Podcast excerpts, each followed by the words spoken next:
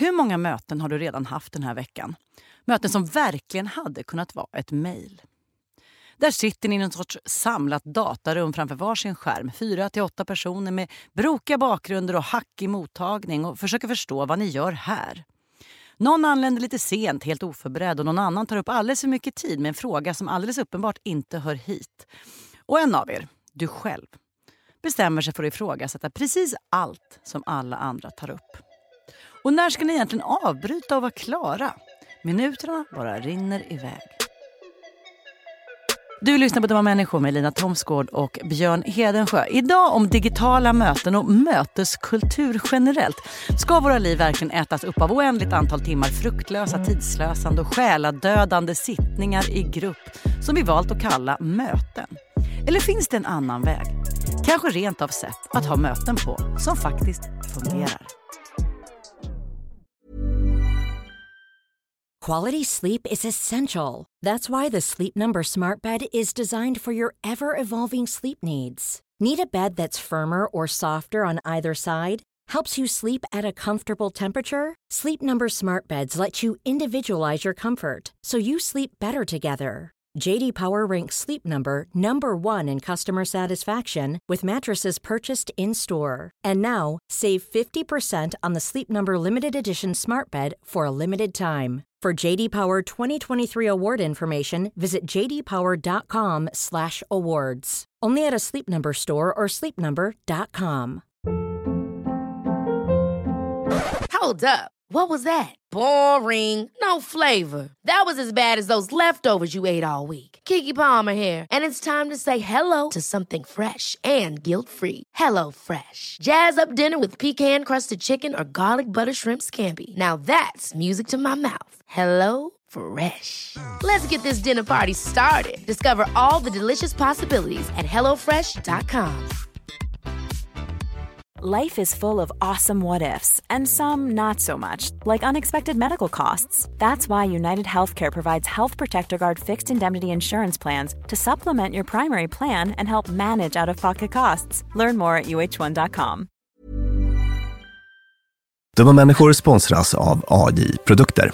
Björn, vad är det som gör att man trivs på jobbet? Ja, men en sån superviktig sak som du och jag brukar tjata om, det är det här med kollegor och samspelet man har med sina arbetskamrater. Det mellanmänskliga. Relationer på jobbet, exakt. Mm, man motiverar varandra, positiv förstärkning och sådana saker. Exakt, Ja. men det räcker ju inte med bara det. Nej. Man behöver också en bra fysisk miljö. Den ska vara säker och trygg. Mm. Man kanske vill ha ordning och reda på lager och sådana saker. Att det är ergonomiskt. Ja, en ljudmiljö som gör att det är lätt att hålla fokus och att man har kanske ordning och reda med rätt förvaring. Och det här är sånt som AI-produkter kan hjälpa dig med. Arbetsplatsinredningen, att se till att förbättra arbetsmiljön och ge allt ifrån råd om en bättre arbetsstol till att inreda en hel arbetsplats för hela företaget. Ja, AI Produkter säljer inredning för kontor, skola, lager och industri och erbjuder över 15 000 produkter och skickar från sitt lager i Halmstad. Och allt detta för att bidra till att människor har det bra på jobbet och att ingen inredningslösning ska stå i vägen för det. Det är Happiness at Work. Tack AI Produkter. Dumma människor sponsras av Länsförsäkringar. Och Länsförsäkringar kan hjälpa dig med väldigt mycket mer än bara försäkringar. Till exempel sparande och lån och alla möjliga sådana bankgrejer. Precis, och jag kommer nu att tänka på när jag hade väldigt nytta av ett buffertsparande. Det var när jag köpte en sommarstuga som var jättefin på alla sätt. Förutom det att första gången jag kom dit så blev det regn. Och vet du var det regnet kom någonstans ifrån? Det kom in genom taket på som var inomhus. Så jag fick springa med, det var sån här slapstick-komedi, jag fick springa med såna här plåthinkar och sådär. Men eh, då var det faktiskt bra med en liten peng så att man kunde reparera taket. Ja, man är ju tacksam då att man har varit den här förnuftiga människan som tänkte att det kommer kanske inte bli exakt som jag hade planerat. För livet är ju så otroligt föränderligt. Ja, och det är då det är så himla bra att läsförsäkringar finns där för alltid. Ja, så när livet inte blir precis som du hade tänkt eller om löften inte kan hållas så är det himla fiffigt att du kan kontakta Länsförsäkringar. Eftersom Länsförsäkringar kan hjälpa dig med lån och sparande till exempel. Tack Läsförsäkringar.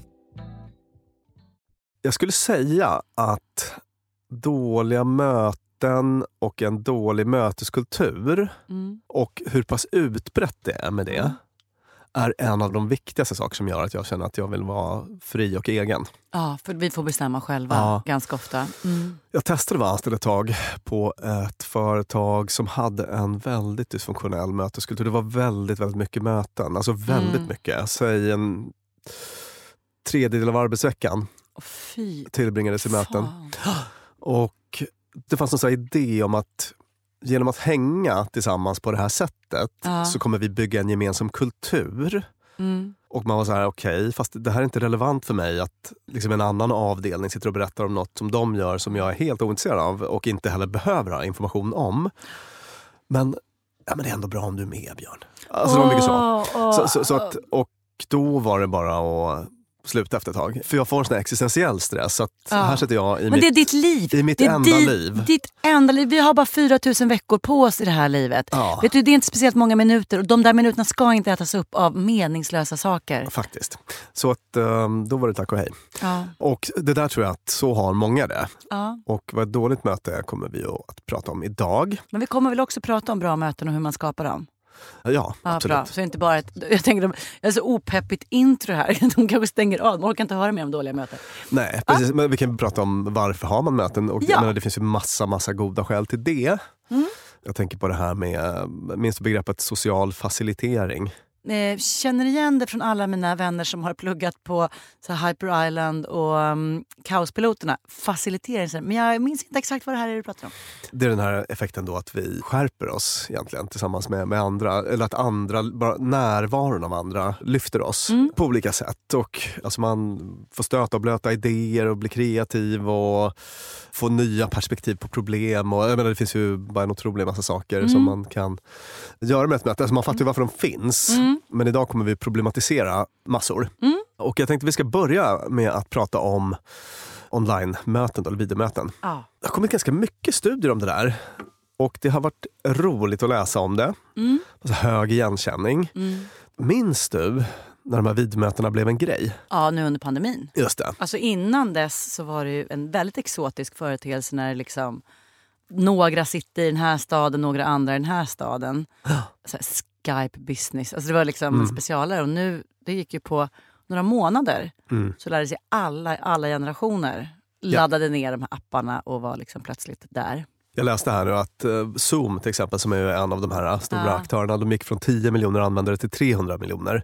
En liten aktie skulle vi ha köpt. Ja, Ja. på nolltid. Så att det hände ju väldigt mycket där. Och eh, det blev ju då en ny sorts beteende som blev lite så standard för folk. Alltså Mm. Man fick ägna väldigt mycket tid åt något helt nytt. Mm. Och då uppstod ju massa roliga såna här... Vi har liksom en ny social arena där vi inte har någon Just riktigt det, färdig just det. etikett och så. Just det. Man, så här, höger i rulltrappan, alla såna där saker. Bara, vänta, hur gör vi nu då? Ja. Och då har jag läst en eh, sån här äh, sammanfattande översiktsartikel om forskning som har kommit på videomöten. Mm. Som heter Virtual Work Meetings During the COVID-19 Pandemic, The Good, Bad and Ugly. Där man har utvärderat det här med videomöten och så ur massa olika aspekter Mm. och hittat massa problem med dem. Då. Åh, vad, bra. vad, och vad duktigt av dem att göra det så här snabbt. Ja. Alltså det var ju nyss. Det var ju nyss. Ja. Ja. Mm. Precis, men jag tror att just det här att det blev verklighet för typ alla, att sitta Ja. och hålla på så mycket, eller alla i tjänstemannayrken i alla fall då, Mm. så blev det väldigt stort intresse kring det här också. Då. Okej, ska vi börja med en liten så här problemlista? Ja, vad har vi för negativa grejer med digitala möten? Ja, vi har det här som kallas Zoom fatigue som någon typ av övergripande rubrik. Alltså så här videomöteströtthet. Vad beror den här fatigen på? Och då har forskarna nördat loss något så in i bängen. Till exempel Bailenson, eh, 2020, som kikade på det här med prolonged eye gaze. Alltså att man tittar i ögonen på en annan person på ett sätt som är lite onormalt. Där vill jag hävda att det man gör är att man inte tittar i ögonen. Mm. För att man väldigt sällan tittar in i den lilla, lilla kameran Mm. som gör att det upplevs som ögonkontakt för andra. Utan man tittar på sitt eget plyte. Ja, Vilket gör att det liksom blir lite off. Det kan nog vara lite olika. Det är, för, Ja. det är för att du älskar ditt eget flyte så mycket. Ja men det, det finns ju ingen annan att kolla på. Alltså det finns de andra, men jag menar, du, du, du tittar ju i ingen webbkamera tittar du på de andra. Nej, just det. Alltså blicken. Kameran är på ett annat ställe än dina egna och alla andras ögon. Ja. Vilket gör att om jag pratar Mm. och tittar på alla andra i mötet så upplever de inte att jag tittar på dem. Utan de upplever att jag tittar strax under. Precis, men, men- det är ändå någon typ av liksom blick som är riktad åt ett håll Ja, väldigt länge. ja sant. Och det är väl det som han menar då, Bailenson, Mm. att det blir en typ av stirrande som, som inte är eh, Normalt. normalt. Nej. Eller som vi inte riktigt är skapta för Mm. eller, eller så. Negativa grejer med digitala möten. Punkt nummer två. De vi möts med kan upplevas som för stora eller för nära. Alltså deras ansikten eller kroppar eller vad det nu är man har där Mm. i andra ändan. Alltså att det kan bli en upplevelse av att det här är en person som är inom min intimzon på ett sätt. Ja, jag fattar. För hade det varit möte så är det en viss distans. Och sen på skärm om någon har ett stort ansikte, alltså nära bild så blir det... Sitter väldigt nära kameran eller så. Ja, just det. Och de skriver till och med här då, Morris 2020 och någon annan studie då, att det kan trigga någon typ av eh, att- Alltså ett påslag åt kampflykthållet. Ah, att, att, att det är det, ett blir... intrång på gång här. Ja, det är ett intrång Ja. på gång. Alltså man känner sig lite attackerad då på något sätt. Ja. Och att det också kan vara utmattande då. Eh, på en helt omedveten nivå förstås. Ja. Och nummer tre på listan. Att de här mötena kan vara en sån information overload, kognitiv överbelastning Mm. på olika sätt. Och kommer du på, vad kan det vara som tvingar hjärnkontoret att jobba extra hårt? Att det är mycket information som förmedlas. Mm. Kanske, och att man inte får hela... Alltså, fysiska möten, även om jag inte är jättefan av dem heller har man ju en hel kropp att prata med och man känner av rummet, känner av hur saker och ting landar. Men här så blir det jävla rabblande, avrapporterande. Ja. Det de lyfter här då, det, det är att alltså du har ju till exempel om det är väldigt många på ett möte, Mm. så de här små boxarna med personer Mm. liksom hoppar fram och tillbaka. Ja, just det. Just det. Sådana saker. Man behöver fundera på vem var det som sa det och vem är det som pratar nu. Och, Just det. Och den- någon ska slå på en mick eller inte. Alltså sånt där stress också. Japp. Mm. Och, och sen så kan ju pågå saker i bakgrunden också. Det var några roliga såna stories som kom ut under pandemin. Mm. Det var ju faktiskt lite jobbigt tyckte jag. Det var en journalist på New York Times, kanske New Yorker, Mm. som hade... Stackarn. Alltså han onanerade under ett... Nej, det, Eh. ja det där ja! Det, det minns du eller? Ah. Han trodde att mötet var slut, men det var det inte. Och han hade liksom mutat andra så han hörde inte att de var med. att säga. Gud, oh, gud, oh, gud, oh, gud. Och sen så det konstiga var ju då att han, alltså han fick, eh, han blev, jag vet inte om han fick sparken, men han blev i alla fall Men avstängd. sparken ish, ja precis. Och det är så här, fan ska man inte ta hand om den stackaren istället? Nej, alltså jag tycker att det, det, det, det var allt var fel i det där. Ja. Alltså, det, den som gjorde minst fel var han. Ja. Jag tycker att hela eftermälet var det. Alltså, så här, alla skulle kliva runt och vara moralpoliser till höger och vänster. Äh, uh. Ja, men information overload i alla fall var den punkten. Och nästa punkt på listan var varför jag tycker att det är bökigt med digitala möten. En besvärande självmedvetenhet uppstår. Ja, fy. Du var inne på det lite grann, att man, eh, man ser väldigt mycket av sig själv. Mm, vidrigt. Och jag undrar om inte jag hörde någon sån statistik om att skönhetsoperationer ökade Just det. efter det här, i samband med det här. Man tror att det hängde ihop helt enkelt. Ja. Att, att folk fick syn på sig själva på ett nytt och besvärande sätt. Aldrig Eh, någonsin har behövt stirra in i liksom hängande hakor eller trist läpp eller fnasig frisyr så mycket som under de här Just det. åren. Precis. Och nästa punkt på listan är varför de jobbiga. Att man får för lite information. Mm. Och för ett tag sedan, alldeles nyss, så att man får för mycket information. Mm. Rörigt och lurigt. Men det jag menar här är, eller det forskarna menar här är att man får, jämfört med såna här möten fysiska, Ja. så får man ju väldigt mycket information med andra sinnen också. ja, precis. Känsel, lukt och så vidare. Och så tar de upp en väldigt viktig sak då som jag har faktiskt tänkt på. Och det är det här att man man får ju väldigt lite information om det sociala samspelet i en grupp. Ja, men exakt. Man får ingen som helst kontroll över hur svängigt det är. Nej. Så att, lyssnar någon? Trivs de? Var det här kul det jag sa? Alltså det, Alltså dels det förstås, Ja. ja. Eh, Precis, man får inte någon feedback på det man själv säger. Eller men i- man får inte så tydlig emellan- feedback på ja. det man själv säger. Men också att man inte, man förstår till exempel inte vem som är viktigast i ett, Nej, i ett just det, gäng. just det. På ett sätt som man väldigt naturligt brukar förstå på ett fysiskt möte. För att då brukar andra mötesdeltagare titta eh, på den här Ah, eh, intressant. viktigaste personen. Alltså man får inte såna sociala ledtrådar, till exempel mot vem blickarna riktas och så vidare. Det är ju väldigt kul. Björn, du och jag vi, vi föreläser ju en del på arbetsplatser och där är det ju väldigt ofta så att den som är vd för väldigt stora organisationer också är med. Och det är så kul hur det där med ens fördomar, att så här, det verkligen är så. Även om personen i fråga inte gör speciellt mycket väsen av sig så är det verkligen så att sekunden den kommer in i rummet så är det så här, Ohoho, folk sträcker lite på sig, tittar, Exakt. pratar tystare eller pratar högre. Eller liksom, det är så otroligt så här, en Man, stor man ser social på alla dans. andras reaktion Ja, exakt. Att, att vd kom in i rummet. Ja, ja. Mm. Och gud vad det skrattades åt just de där skämten. Eller liksom, ah. Just det, vi har väl pratat om det förut tror jag, i något poddavsnitt för otroligt länge sedan. Men när man själv var chef, den Mm. lite så här deppiga insikten om att folk skrattade mer åt en Ah. skämt efter att man hade liksom klivit upp ett pinnhål. Och jag tror inte ens att det behöver vara medvetet Nej, nej, nej. hos någon som skrattar mer åt chefens skämt. Utan det är bara att det på något sätt blir lite exakt. roligare. För att den här personen är uh, viktigare, Mm. inom citationstecken, i ens liv helt plötsligt. och, just, och det försvinner ju i skärm. Där ser ju inte jag på samma sätt. Nej.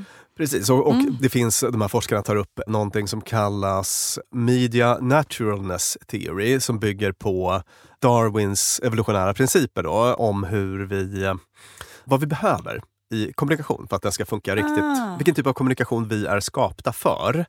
Den ska uppfylla fem kriterier Mm. för att vara liksom, optimerad. Då. Och det första är att man är på samma plats eller i samma fysiska. Space. Äh, på den. Ja. Och att man ska ha synkronicitet, alltså en omedelbar synkronicitet. Att man liksom väldigt snabbt ska kunna utbyta kommunikativa små signaler till varandra. Just det, ja. Och det försvinner också rätt mycket. Ja, man pratar i munnen på varandra. Eller Ja. man liksom, vem, var det du eller var det jag? Eller vem? Mm. Möjligheten att observera och uttrycka ansiktsuttryck. Och det kan man ju fortfarande göra ganska Ja. bra i videomöten då. Och att uttrycka och observera kroppsspråk och slutligen att uttrycka och lyssna till tal. Och det är ju flera av de här punkterna som försvåras. Ja, i, visst. Alla, alla, all, de enda tre som fortfarande är giltiga försvåras faktiskt. Ja, så att eh, i det perspektivet är det inte så himla konstigt att det är en del som blir lite knepigt då. Och nästa punkt på listan är varför det är så himla jobbigt med digitala möten. En hög grad av multitasking förekommer. I en studie här, Kao et al. 2021, så visade det sig att 30, ja, en tredjedel av deltagarna mejlade ibland. Man sitter med sina mejlfönster eller någon Ja. Twitterfönster eller någonting öppet bredvid. Ja. Brukar du göra det? Mm. Mm. Alltså det var ju vad jag tyckte var så himla fiffigt i början. Jag bara, gud vad bra, nu kan man vara i ett möte och samtidigt. Ja. Men det var innan vi hade spelat in avsnittet om multitasking där jag fick lära mig att vi är Ja, komplett usla på det. precis. Och i samma studie här säger 15 procent säger att ja, jag multitaskar men det ökar min produktivitet.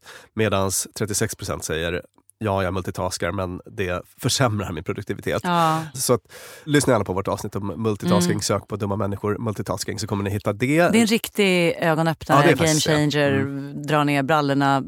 Ett besvärligt avsnitt för oss Ja. som tror att vi kan göra flera saker samtidigt. Och baserat på den kunskapen som vi pratar om i, i det avsnittet så har jag för egen del helt slutat med multitasking i möten. Jag sitter och försöker vara med verkligen. Ja, Jag tycker också att det blir roligare då. det är sant. Man investerar lite mer. Så att folk håller på med mycket multitasking-beteenden i de här online-mötena som man inte gör i fysiska möten. Och det är inte bra helt enkelt. Och sen så hade vi ytterligare en punkt här då. Ja, och vad är den då? Jo, att det är jobbigare för småbarnsföräldrar. Det kan du hoppa upp och sätta dig på. Mm, precis, ett par studier här som hade kikat på det.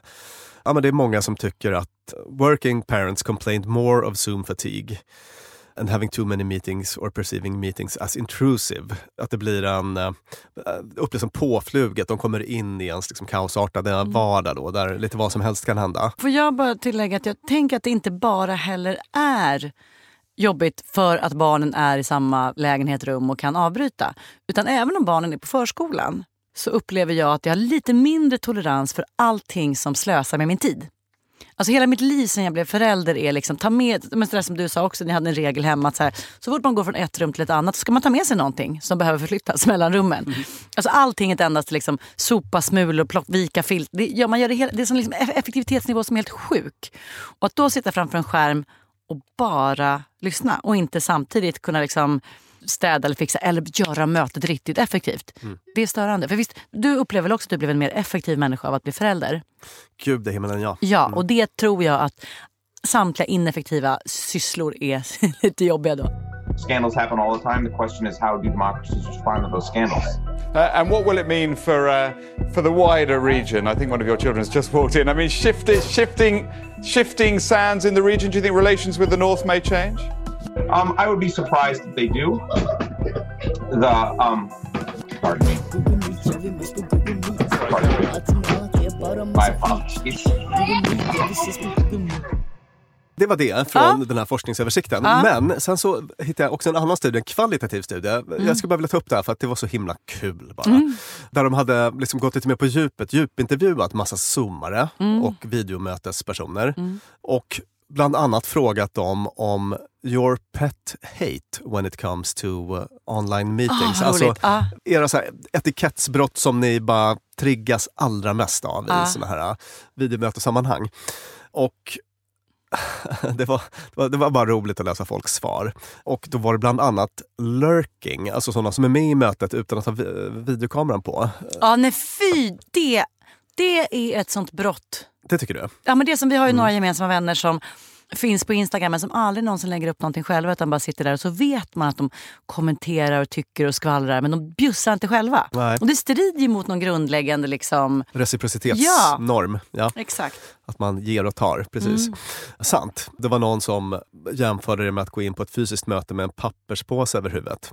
Ja, och jag tycker att om man behöver köra utan bild Mm. Så tycker jag att man behöver säga så här, hörni jag kommer, bara så ni vet så tar jag bort kameran nu ett tag för nu ska jag förflytta mig. Från, eller jag kommer... Av det här och det här skälet. Jag, Ja, jag behöver för, exakt. så här, förflytta mig eller jag har för dålig bandbredd eller vad det kan handla Ja, om. för en annars tar man sig så. friheter som inte andra gör. Och det tycker jag är orättvist. Just det, så att det var en sån grej som, som Mm. många då retade sig på. Eh, jag nämnde multitasking tidigare, det var en annan grej som många tyckte var väldigt oartigt. Man Alltså, märker att folk sitter och liksom Ah. knappet i knappet i bredvid. Ja. Yes. Alltså jag måste säga, eftersom jag vet att multitasking inte finns egentligen, alltså man, Mm, man kan inte vara på två ställen samtidigt, då vet ju jag att om Jocke sitter och liksom knapprar Mm. medan jag pratar och det inte är så att han antecknar det jag säger, så lyssnar inte han. Nej, exakt. och, och, och, och det reagerar jag inte positivt på.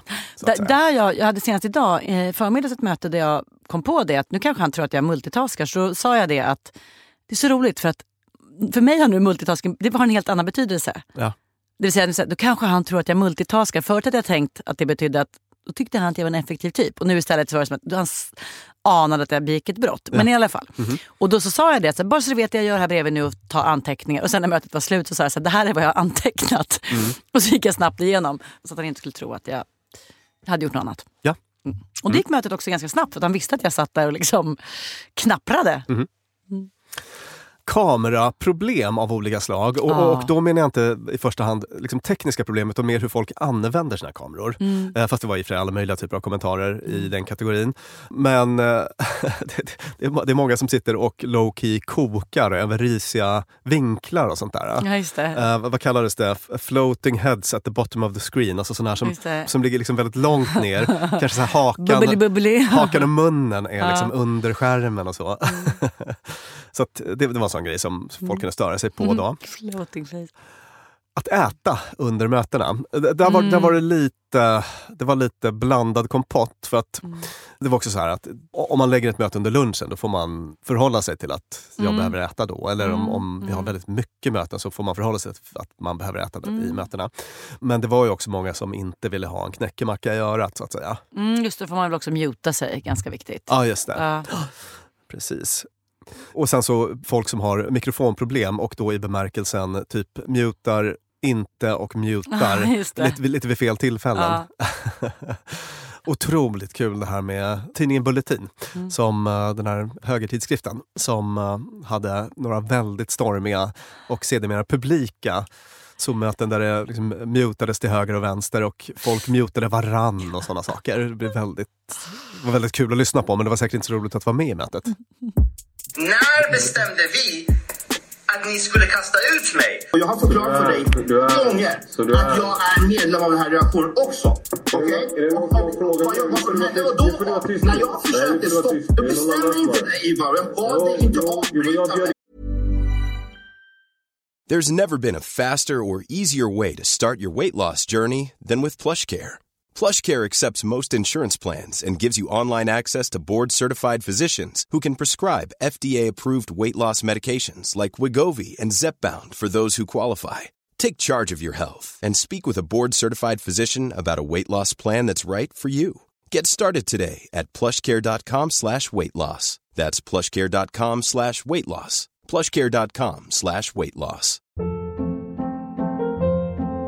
Hold up. What was that? Boring. No flavor. That was as bad as those leftovers you ate all week. Kiki Palmer here, and it's time to say hello to something fresh and guilt-free. Hello Fresh. Jazz up dinner with pecan-crusted chicken or garlic butter shrimp scampi. Now that's music to my mouth. Hello Fresh. Let's get this dinner party started. Discover all the delicious possibilities at hellofresh.com.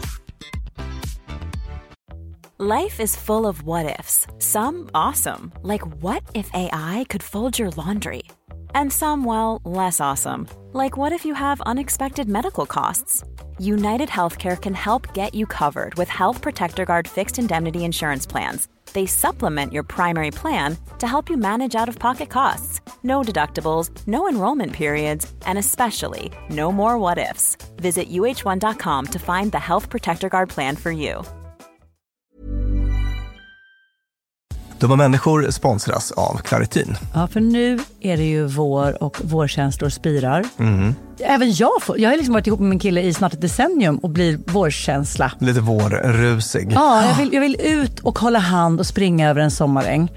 Ja. Och då kan man tänka att det är synd om dem som inte kan det. Det är rätt många ja. Det är det. Ja. Och det märker man alltid på just våren. För det är då de kommer in på kontoret och när alla andra är så uppspelta för att gatorna är sopade och solen gnistrar så är det liksom bara rinnande ögon, rinnande näsa, det Min kliar. pappa till exempel, pollenallergiker som älskar att påta i trädgården då. Och det vill man ju att han ska kunna göra. Och det är där vårt budskap från Clarityn kommer in i bilden. För det, Clarityn ger vårkänslorna en chans för allergiker. Det är antihistamin vid tillfälliga allergiska besvär, till exempel pollen, pälsdjur eller dammallergi, som ger snabb effekt inom en till tre timmar. Och besvären lindras i hela 24 timmar. Clarityn, en tablett och sirap, Loratadin, är receptfria läkemedel vid tillfälliga allergiska besvär hos vuxna och barn över 6 år och kroppsvikt över 30 kilo om du tar tablett. Du ska inte ta Clarityn om du är gravid eller ammar. Läs bipacksedeln noga innan du tar Claritin, särskilt om du har en leversjukdom eller ska genomgå hudtester för allergi. Och kontakta läkare om du inte mår bättre eller om du mår sämre efter sju dagar. Och kontakta alltid läkare vid användning längre än tre månader. Och mer om det här kan du läsa på bayer.se. Tusen tack Claritin. Dumma människor sponsras av Arlanda Express.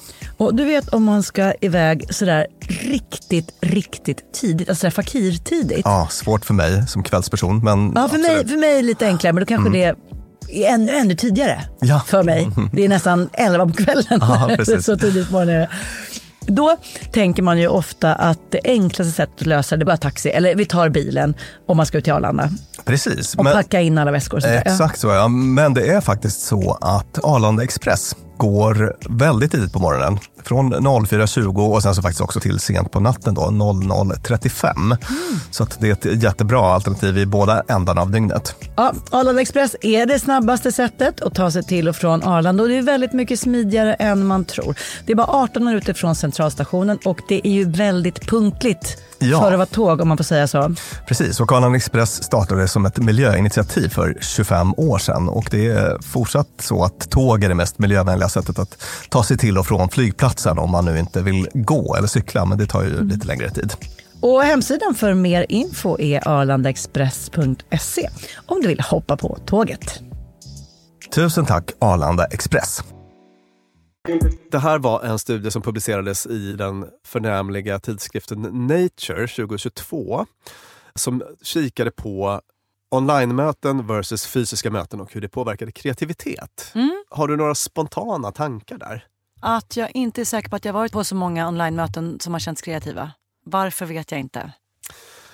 Typ Eh, att insatsen är lägre. ja, Att jag är lite slappare. ja, Och lite mer rastlös. Alltså lite så här komma till skott. inte så engagerad. Liksom. Nej, exakt.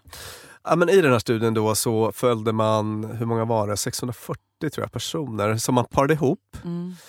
Och sen så hade man en grupp som fick eh, mötas online och en annan grupp som fick mötas i fysiska möten. Och sen så fick de en kreativ uppgift som såg ut på det här sättet. Att vi har fem stycken vardagliga objekt, till exempel bubbelplast och frisbees. Mm. Och den kreativa uppgift ni har är att komma på så många och så bra nya användningsområden som möjligt för de här prylarna. Och så fick folk sitta och spåna i sitt online-möte eller sitt fysiska möte. Och då visade det sig att folk var bättre i det fysiska mötet. Och hur mätte man om de var bättre? Ja, dels hur många idéer man fick, Mm. men också hade man någon så oberoende jury som Mm. fick bedöma den kreativa höjden på idéerna. Så att Mm. till exempel att kasta frisbee för att plocka ner frukt från träd Mm. bedömdes som mer kreativt än att ha en frisbee som någon typ av eh, underlag på en picknick. Mm. Och då var, alltså det var fler idéer, det var bättre idéer Mm. i eh, fysiska möten. Varför tror du? De har en idé om varför forskarna här, men jag tänkte höra om du har. Men för att syn och fladdra med händer och visa och sånt där är viktigt och det försvinner i skärm. Att vara inspirerad av andras idéer, Mm. Kanske. Du är på något här. Alltså Mm. Det huvudspår de hade i sin förklaring det är att man blir lite, alltså man får ett typ kognitivt tunnelseende. Som, alltså man, man sitter och tittar på den här skärmen. Mm. Zip. Jag tittar Mm. på en person på andra sidan där genom skärmen. Och det, liksom åt, alltså det blir en typ av Ah, liten rumslighet för hjärnan. liten rumslighet för hjärnan, exakt. Det finns ingen Ja. takhöjd. Eller rätt sagt, det, det, det är liksom inget, ingen fri fantasi. Nej, men precis. Man är låst till den lilla ramen. Exakt. Det är ungefär så de tänker. Ja. Och sen så har man gjort ett liknande test, men ett sånt här field test, alltså ute i Mm. verkligheten. Och då var det med ett ganska stort, ja, 1490 ingenjörer i fem olika länder i Europa, Mellanöstern och Sydasien som jobbade på något eh, telekomföretag då och som parades ihop slumpvis. Samma typ av upplägg. Mm, mm. Och uppgiften blev då att ni ska ta fram produktidéer och sen så ska ni skicka in er allra bästa. Mm. Och man kom till samma resultat där. Mm. Att det blev bättre kreativ höjd då när folk fick mötas IRL. What is this one o'clock? Boardroom availability. What's that? It's a meeting to discuss the availability of the boardrooms. Availability for Meetings. Right. So this is a meeting to discuss having a meeting. No, that's at 4 pm. So who's this conference call with? Uh, two. That's the conference call company. They'd like to have a meeting to discuss the effectiveness of conference calls. And who's that? Everyone's in that one. Okej, då har vi alltså lärt oss att det var en oändligt lång lista på negativa saker med möten. Allt ifrån floating faces till att vi blir rastlösa och trötta och allt vad det är. Och dessutom blir vi inte mer kreativa. Det man kan säga om många av de här grejerna är att det är rätt små problem som man typ kan lära sig hantera eller justera. Mm. Ändå, tänker jag. Alltså, jag bara känner själv hur mycket bättre det har gått. Jag har ju en hel del till exempel online-terapi, eller har Mm, haft. mm. Och det har ju gått bättre och bättre. Ja, det är det jag tänker. Ska vi Mm. prata lite om bra saker med det här? För att när vi nu sätter så här, åh det är jobbigt när någon äter i skärmen eller någon mutar dåligt. Man bara, ja men det är också ganska jobbigt att sätta sig på pendeltåget i andra änden av stan Japp. och få ett passerkort Mhm. och behöva sätta på sig fina kläder. Alltså, det är ganska mycket som också är jobbigt med fysiska möten. Ja, Ja. Om man- Verkligen. Plus, jag menar att det här är ett väldigt enkelt sätt att få väldigt mycket av en person. Alltså jag menar, det förekommer ju att man har möten som är direkt härliga. Japp. För att man får sitta och möta upp en ljuvlig person på en ganska stor skärm. Som man kanske aldrig någonsin skulle kunna sätta sig på ett pendeltåg och träffa på andra sidan stan. Sant. Man kan riva av de här mötena på en kvart. Mm. Och de kan vara väldigt informationsrika. Mm. Jag menar, videosamtalet har ju massor som telefonsamtalet inte har. Alltså man får inte all icke-verbal kommunikation, men man får ju mer icke-verbal kommunikation. Mm. Kroppsspråk, Mm. Mm. ansiktsuttryck och så Mm. vidare. Och jag bara tänker på mina ungar då, de föredrar ju Facetime. Jaha. De ringer oftast Facetime, eller särskilt en av dem. Alltså Eh, framför telefon eller framför att ses? Nej, framför telefon alltså. Ja, just det. Mm. Jag tänkte. Ha- hade varit deppigt annars. Ja. Så att ändå kanongrej. Tack, Ja, eh, tack tekniken. tack tekniken Ja. för att de här videomötena finns. Mm. Mr. Ponton, I believe you have a filter turned on in the video settings. Uh, you might want to. Uh, Uh, take we're a look. trying to. We're. Tr- can you hear me, Judge? I can hear you. I think it's a filter. It, in the, it is, and I don't know how to remove it. I've got my assistant here; she's trying to, but uh, I'm prepared to go forward with it. That's. I'm here live. It's not. I'm not a cat. då tänkte jag att vi går in på detta avsnitts andra del som Mm. handlar mer om eh, Kanske det, ja, det här handlar faktiskt både om fysiska möten och online-möten. Men vad som är väldigt vanliga problem Mm. i en dålig möteskultur och hur man kan få till det. Ja. Och du och jag kan sitta här och eh, bara trashtalka möteskulturer i största allmänhet. Mm. Men det finns faktiskt också forskning som backar upp det här. Mm. Såg en tysk studie som hade kikat på ett mycket stort antal möten på europeiska arbetsplatser utifrån lite olika kvalitetskriterier. Då. Och de dömde ut 40% av alla möten som lågkvalitativa. Men 60 ändå som bra. Ja. Bra siffra. Mm. Så ja. ser inte mina möten ut kan jag säga. Nej, det är nog... Inte innan jag började kapa Nej, större delen precis. av de 40. Jag hade min, min lärare i uh, organisationspsykologi, han heter Rolf Mm. Olofsson, författare och sådär, psykolog. Jag minns att han sa att åtminstone 30% av alla möten på en genomsnittlig arbetsplats kan man plocka bort bara. Ja. Bort. Bort med dem. Bli ett mejl. Exakt. Och om man följer då de här reglerna lite grann som vi kommer gå igenom nu Mm. så kommer man också att kunna kapa så mycket tid. Åh, vad bra. Och, och, och kan du förstå vilken så här, alltså om man är nu VD Ja. och, och bara hur kan jag få upp lönsamheten i, i företaget här? Med 30 procent typ. Eller produktiv- ja. Potentiellt ja. Säg att jag kunde uppfinna Mm. dygn med 30 procent mer tid. Just det. Där mina anställda skulle kunna få jobba. Så att det finns ju så mycket att vinna på det här. Ja. Jag kikade på någonting som heter Doodles State of Meetings Report, som är en sån här årlig amerikansk sammanställning över Mm. Och då uppskattades kostnaden till 399 miljarder dollar. Alltså kostnaden för dåligt organiserade möten. Mm. Och en sak man kan säga att så här, riktigt högpresterande personer man stöter på, vet inte om du känner igen det här själv, har ju ofta en ganska låg tolerans för dåliga möten. Ja, ja, ja, jag tror, Ja. ja. verkligen. Och just det här att så här, ett möte kan vara... Det är inte så här att man per automatik bokar en timma. Alltså va- varför ska allting vara en timma? Mm. Vissa grejer så här, det tar 20 minuter, varför ska vi då sitta i en timma? Ja. Det är som att så här, det, det liksom är nödvändigt att bara för att kanske ens Outlook-kalender fungerar så, Ja. att allting ska vara en timma. Man går verkligen på gamla vanor. Ja. Jag, pratade med någon häromdagen som hade bara defaultmässigt börjat ändra från en timme till en halvtimme. Perfekt. Mycket mer effektiva möten, precis samma output. Och lite halverade tid. mötestiden i ett slag. Nej, Utan så här, det här kan vi gå igenom på en kvart. visst. Mm. Nu är våra lyssnare de är så otroligt sugna på att veta precis hur man ska göra för att ett möte ska bli bra. Var börjar vi Björn? Punkt nummer ett. Se till att syftet med mötet är glasklart. Alla ska veta vad vi ska göra här. Ja, alltså de som ska vara med på mötet de har ingen möjlighet att förbereda sig om de inte är klara över syftet. Mm. Och sen så, ja men det syftet måste styra hela upplägget. Alltså om det Mm. inte finns ett tydligt syfte är det ingen Mm. idé att ha ett möte. Jag minns att jag hade en sån le- jag lekte med idén att om jag någon gång skulle bli så här uh, VD för ett stort företag. Mm. Då tror jag att jag skulle ha någon sån liten... Innan man går in i ett mötesrum så måste man skriva vad syftet med mötet är. Mm. Och kan man inte formulera det med en mening eller så, Mm. då ska man inte ha mötet. Alltså som en liten pryl bara. Det är inga frågor där. Vi går rakt vidare till punkt nummer två. Vilka behöver vara med på mötet?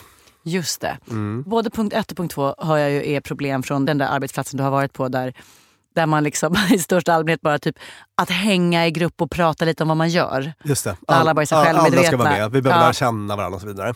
Nej, det jag är tycker att det är ett alldeles för svagt syfte. Då får man ha en kick-off eller Ja, eh, ha någon det, särskild- det finns ja. väl en kaffeapparat eller ett fikarum där folk Ja. kan få bara känna på varandra och fråga varandra hur de mår och vad de gör. Det finns andra sätt att främja socialt samspel än att man ska behöva sitta och lyssna på någon så här sprintlistor eller vad det kan vara som man inte har något att göra med. För det kan vi bara säga om nu någon lyssnare tycker att det verkar som att du och jag är fullkomligt asociala personer Björn. Det är vi ju inte. Vi pratar jä- inte. jättemycket när vi är runt och föreläser på Mm. vikten av liksom gott samarbete och det här tillsammans-grejen. Men det är Mm. inte i meningslösa mötesform som det behöver ske. Ja, just det. Precis. Så se till att tänka igenom vilka behöver vara med här. Ja, och, Mm. och, och det är väldigt vanligt att många som inte behöver vara med ändå är det. Mm. Och vad finns det för skäl till det? det finns ju, alltså, ibland kan det vara att man inte, alltså den som bjuder in till mötet kanske inte vill stöta sig med folk. Ja. Och, och liksom tar i lite extra. Mm. Vi vill inte att de ska känna sig exkluderade. Eller så. Men, men det är ju Just så det. att ganska många skulle känna sig ganska glada över att exkluderas Mm. från det här mötet. Nummer tre. Se till att agendan för mötet är klar och tydlig. Just det, det här är vad vi gör idag. Punkt ett, punkt två, punkt tre. Ja. Ja, Det är så himla skönt att gå in i ett sånt Mm. möte. ja det är underbart. Ehm, så att man bara kan eh, få någon typ av idé om, om hur länge det här kommer ta och vad som ska göras på vägen. Då.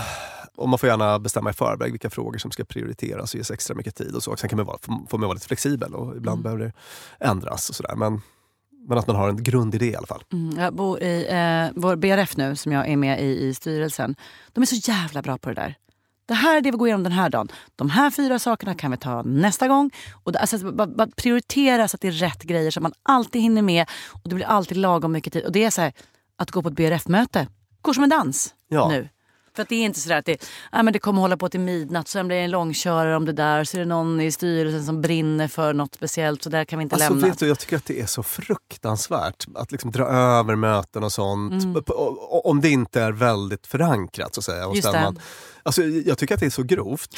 För att det här med andras uppmärksamhet, vilken gåva det är. Ja. Älskade dumma människor-lyssnare, att ni nu sitter och lyssnar på mig och Lina. Vet, Tack Ja. för det. Alltså, du vet, jag blir så rörd när jag tänker Mm. på att man får airtime och Ja. det är liksom en väldigt fin gåva, Ja. andras uppmärksamhet och man ska behandla den på det sättet. Och andras tid. Sådär, att, att, att, Den här att, tiden ni hade kunnat ha hemma med era barn men nu ska ni sitta här för vi ska pladdra på lite om något. I det här ostyriga Ja. mötet. Alltså det är grovt. Det är Mm. det verkligen. Nästa punkt på listan. Bestäm vad mötesdeltagarna ska ta ansvar för. Under mötet eller innan? Här tänker jag på i mötet då Mm, kanske. du, du, Anna, anteckningar. Björn, kan du hålla koll så att vi är klara när vi ska vara klara? Just det. Ja. Sådana saker. Mm. Också bara ett sätt att skapa ytterligare tydlighet. Mm. Känner du vilket skönt möte Nej, men alltså, jag, jag är så sugen Ja. på det här mötet. Nästa punkt. Mötesledaren måste ta kommandot. Det här är mycket vanligt. Ja, det där är också jag säga, baksidan av den här typen av organisationer där allting är lite det här platta, där ingen kliver fram som en ledare utan alla, Ja. alla samskapar. Att så här, vem bestämmer när mötet är klart? Ja, just det. vem bestämmer vem som ska prata? Älskar svenska modellen. Mm. Det är fantastiskt med det här platta. Jag tror att det är en stor liksom, förklaring till att det har gått så bra för vårt land Ja. ändå. Men eh, Hierarki, det har ändå något. man- måste åtminstone ha en sån hierarki att det är någon som säger att nu öppnar vi det här mötet, nu avslutar vi det här mötet, Ja. nu går vi vidare till nästa agendapunkt. Ja. Alltså den typen av eh, styrning behövs. Annars, alltså det blir uh, lätt outhärdligt och det är inte något fel på folk som trailar iväg i irrelevanta... Alltså det, det är ett helt naturligt sätt att prata med andra. Mm. Säg att vi skulle sitta ett möte här helt utan styrning. Mm. Och så skulle Liselott här, då, den fiktiva Liselott Mm. som sitter på min högra sida, bara kanske nämna någonting om vädret. Ja men Mm. så hakar jag på det. Det är klart du gör det för du ska vara trevlig och det är roligt. Alltså, vi, det- alltså, det- det liksom- möjliga det- det mekanismer som gör att det är självklart. Ja. Precis. Men man behöver lite styrning för att det inte ska bli den där extremt liksom, ineffektivt använda tiden. Då. Och då är det så tacksamt tycker jag när det i den rollen om det är bestämt att nu är det jag som är ordförande på det här mötet. Som jag, eh, på Kvinnohistoriska så var underbar Gunilla Thorgren ordförande. Hon var väldigt bra på att så här, sekunden hon satte på sig ordförandehatten, alltså typ var den som ledde mötet. Då var det så här, tjup, tjup, tjup. Nästa bra, så det där kan vi ta sen. Alltså så här, på ett sätt som var nästan lite asocialt. Mm. Alltså det vill säga, så, här, så här skulle man inte gjort på en vanlig fika, men det är inte en vanlig fika. Nej. Det är andras tid vi hushåller med här nu. Proffs. Vi, ja, så otroligt Wow. skickligt. Ja, Mm. Gåshud. verkligen. Och varför gör vi inte det här? Ja, men jag tror att det handlar om att man vill inte framstå som aggressiv eller antisocial. Eller sånt där. Men vet ni vad? Man framstår nog som... Alltså jag tror att det är väldigt många som reagerar så här, gud vad skönt. Mm. Och det behöver inte vara att man ska stå där och peka med hela handen som de firar, utan bara se till att, att mötet går framåt. Ja, och, och säga så här, nu har vi bara en kvart kvar, vi har fyra punkter så nu behöver vi hålla lite kort. Att, alltså, sånt där. Alla i rummet uppskattar det. Ja. Alla i rummet uppskattar det. Så Mm. att, var inte rädd för att vara den här mötesledaren. Du behöver inte ens vara formell chef, men om det är du som har sammankallat till mötet Mm. eller så, så är det naturligt att du tar den rollen. Sådär. Nästa punkt för att skapa ett underbart möte. Var tydlig med vad ni kommit fram till. Det är en punkt som jag Ja. älskar. Japp. Eh, och, och, och det är ju kanske något som den här mötesledaren då får ta lite ansvar för. Att så här, om, när man mötet består av en lång diskussion utan tydliga slutsatser så, så vill man ha någon som samlar upp det som är sagt. Ja, exakt. Okej, vad är det vi har sagt i det här mötet Mm. nu då? Vi har sagt A, vi har sagt B och vi har sagt C. Mm. Och du kommer göra det och du kommer göra det och jag gör det här. Just det, och det är faktiskt nästa punkt. Okej, som lyder. Se till att ansvaret för att verkställa beslut är tydligt. Vem gör vad här nu? Ja. Vi bestämde det här, vem tar den pucken? Och det här är då lustigt nog, alltså jag menar, det här är ju det som är på ett sätt nästan viktigast av allt. För att, jag menar, om man har ett syfte med mötet, då måste det ju betyda att syftet ska leda till någonting. Eller att mötet Mm. ska leda till någonting. Mm. Och för att mötet ska leda till någonting så måste man ju fatta någon typ av beslut och bestämma vem som ska göra det. Vem ska utföra Mm, det här vi har mm. kommit fram till? Och gör man inte det så är ju mötet definitionsmässigt meningslöst. Då. Ja, och redan det tycker jag är ganska bra att plantera direkt från början.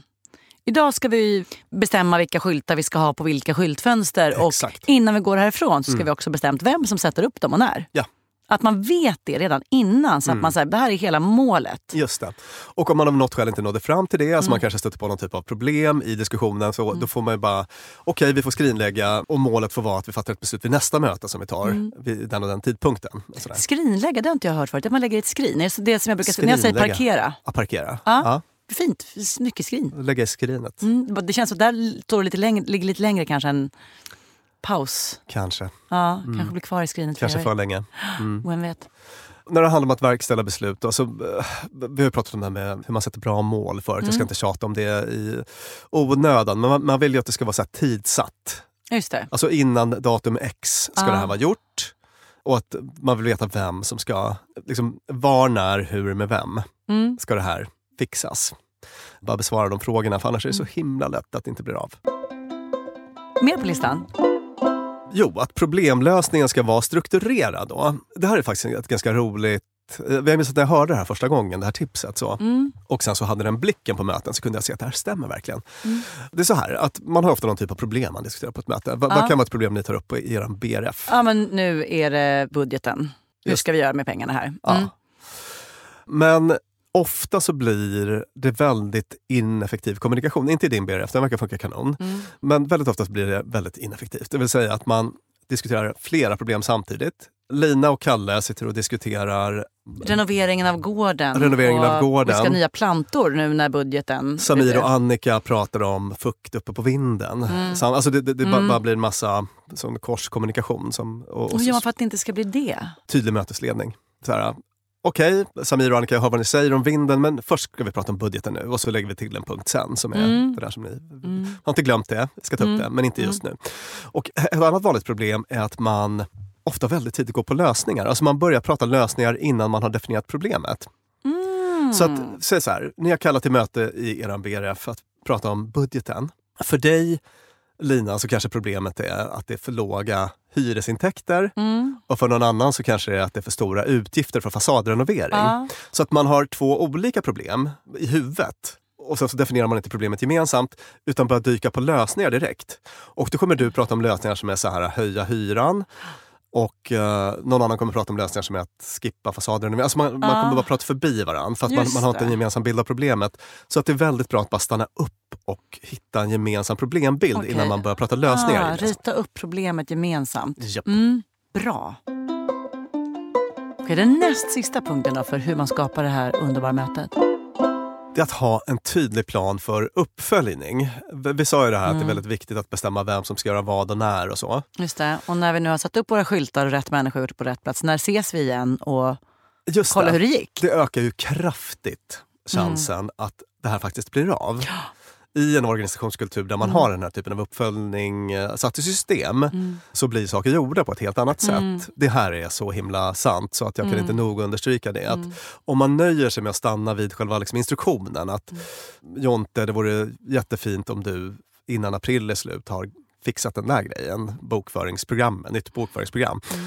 Ja, absolut, säger Jonte. Men om man är i ett företag där det aldrig följs upp så kommer det vara väldigt lätt då att Jonte bara glömmer bort det. Just det, då kommer det bli så här. Och då kan du bara ha en kort rapport på månadsmötet sista mars. Då har man det som en punkt Mm. till nästa möte. Jonte återkopplar hur Mm. bokföringsprojektet gick. Mm. Alltså den enkla manövern. Ja. Det är bara det att den glöms bort så vansinnigt ofta. Så vansinnigt ofta. Ja, och det gör så stor skillnad. Jag tyckte att när jag var chef att just den grejen kändes lite som så här läxförhör. Att det nästan blev så här, jag typ drog mig för den typen av saker för att det kändes som att jag så här, vadå litar du inte på att den här personen kommer göra det? Ja. Och då var lösningen att hela tiden ha, det var liksom standard. Någon skulle göra en grej och när skulle den sen återkoppla? Jo men det blir nästa möte. Mm. Nästa måndag så berättar du Susie hur det gick med den här grejen. Ja. Att så här, man lyfte det från personnivå upp till mallnivå. Ja. Och då var det mycket lättare. Just det. Och sen så kan man ju tänka på det här då att eh, jobba med positiv förstärkning så att Mm. när saker och ting funkar vid uppföljningen Mm. så plussar man den person som Mm. har gjort rätt Mm. och har det inte blivit av, ja, då kan man kanske problemlösa gemensamt och försöka hitta lösningar ihop. Och sådär. Mm. Varför funkar inte det här och vad kan vi göra för att få till det till nästa möte? Just det. Sista punkten för hur du ska få dina möten att bli bättre. Det här är liksom lite annorlunda punkt för den har att göra med det sociala samspelet mer. Ja. Allt annat vi har pratat om var ju eh, det här med mötesstruktur och så. Mm. Men jag tänkte jag ska bara nämna det här, det är sånt som vi har pratat om i tidigare poddar. Mm. Och det har att göra med vår eh, tendens till eh, konformitet och att underkasta oss auktoritet, det vill säga informella och informella ledarfigurer. Sådär. Ja. Att det blir väldigt lätt att vissa personer får väldigt mycket airtime och sånt. Mm. Och att man försöker hitta någon eh, metod som gör att alla kan komma till tals på möten. Har du något inspel där, Lina? Eh, ja, där, där har jag haft, eh, jobbat i flera olika redaktioner och de har ju otroligt mycket hierarkier generellt. Att det finns alltid någon som liksom någon stjärna eller en programledare eller sådär och så ska praktikanten få liksom inte alls komma till tals lika mycket. Och där har vi jobbat väldigt mycket med generellt, man går laget runt. Mm. Alla berättar vad de jobbar med nu och vad de behöver hjälp med. Eller liksom alla en idé var. Och där det är liksom tårtbitsformat, det är Mm. lika mycket tid man har. Ja. Det har varit väldigt bra. För att Just om det är så här, ordet är fritt. Bara, ah, halloj, Lina Thomsgård pratade oavbrutet. Just det, det, det är en, faktiskt en tydlig risk Mm. i sådana sammanhang och det har vi också tagit upp att det, det är inte den som pratar mest som nödvändigtvis har de bästa idéerna. Nej, tro mig, det är det inte. Så att, eh, det var punkterna Mm. för kanonmöten. We broke our backs to get here, and you didn't say for what. You said this was important, but it seems that it is not. You were rather vague on what this small liaison would entail. But could you really not just put this in an email? Okej, vi kör en snabb recap för att det här vill vi inte att någon ska missa. Se till att syftet med mötet är glasklart. Kolla vilka som behöver vara med på mötet. Många som inte behöver vara med är det ändå. Se till att agendan för mötet är klar och tydlig. Bestäm vad mötesdeltagarna ska ta ansvar för i mötet. Var en mötesledare som tar kommandot om du ska leda det här mötet. Då. Var tydlig med vad ni har kommit fram till på mötet. Se till att ansvaret för att verkställa de här besluten är tydligt. Och ha en tydlig plan för att följa upp att det här faktiskt blir gjort. Och sen så tänk på att försöka definiera problemet tillsammans på mötet så att ni inte sitter och löser olika problem. Sådär. Och sen fördela ordet i gänget. Perfekt. Och jag avslutar med den absolut, absolut viktigaste punkten för mig. Hade det här mötet egentligen kunnat vara ett mejl? If this is what it takes to keep the top brass satisfied, tell them all of this box ticking leaves one feeling dead inside. And we do not need a hookup to discuss the paper trail. Could you really not just put this in an email? Tusen tack Björn Hedensjö, mötesexpert, psykolog, författare. Tack vår producent Klara Wallin och tack Beppo där vi spelar in vår podd. Mer från oss får ni varje onsdag. På fredagarna får ni fredagsfrågor.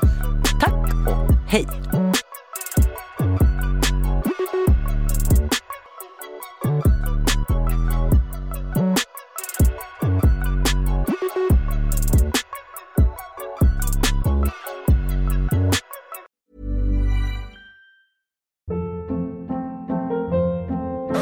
Hold up. What was that? Boring. No flavor. That was as bad as those leftovers you ate all week. Kiki Palmer here, and it's time to say hello to something fresh and guilt-free. Hello Fresh. Jazz up dinner with pecan-crusted chicken or garlic butter shrimp scampi. Now that's music to my mouth. Hello Fresh. Let's get this dinner party started. Discover all the delicious possibilities at hellofresh.com.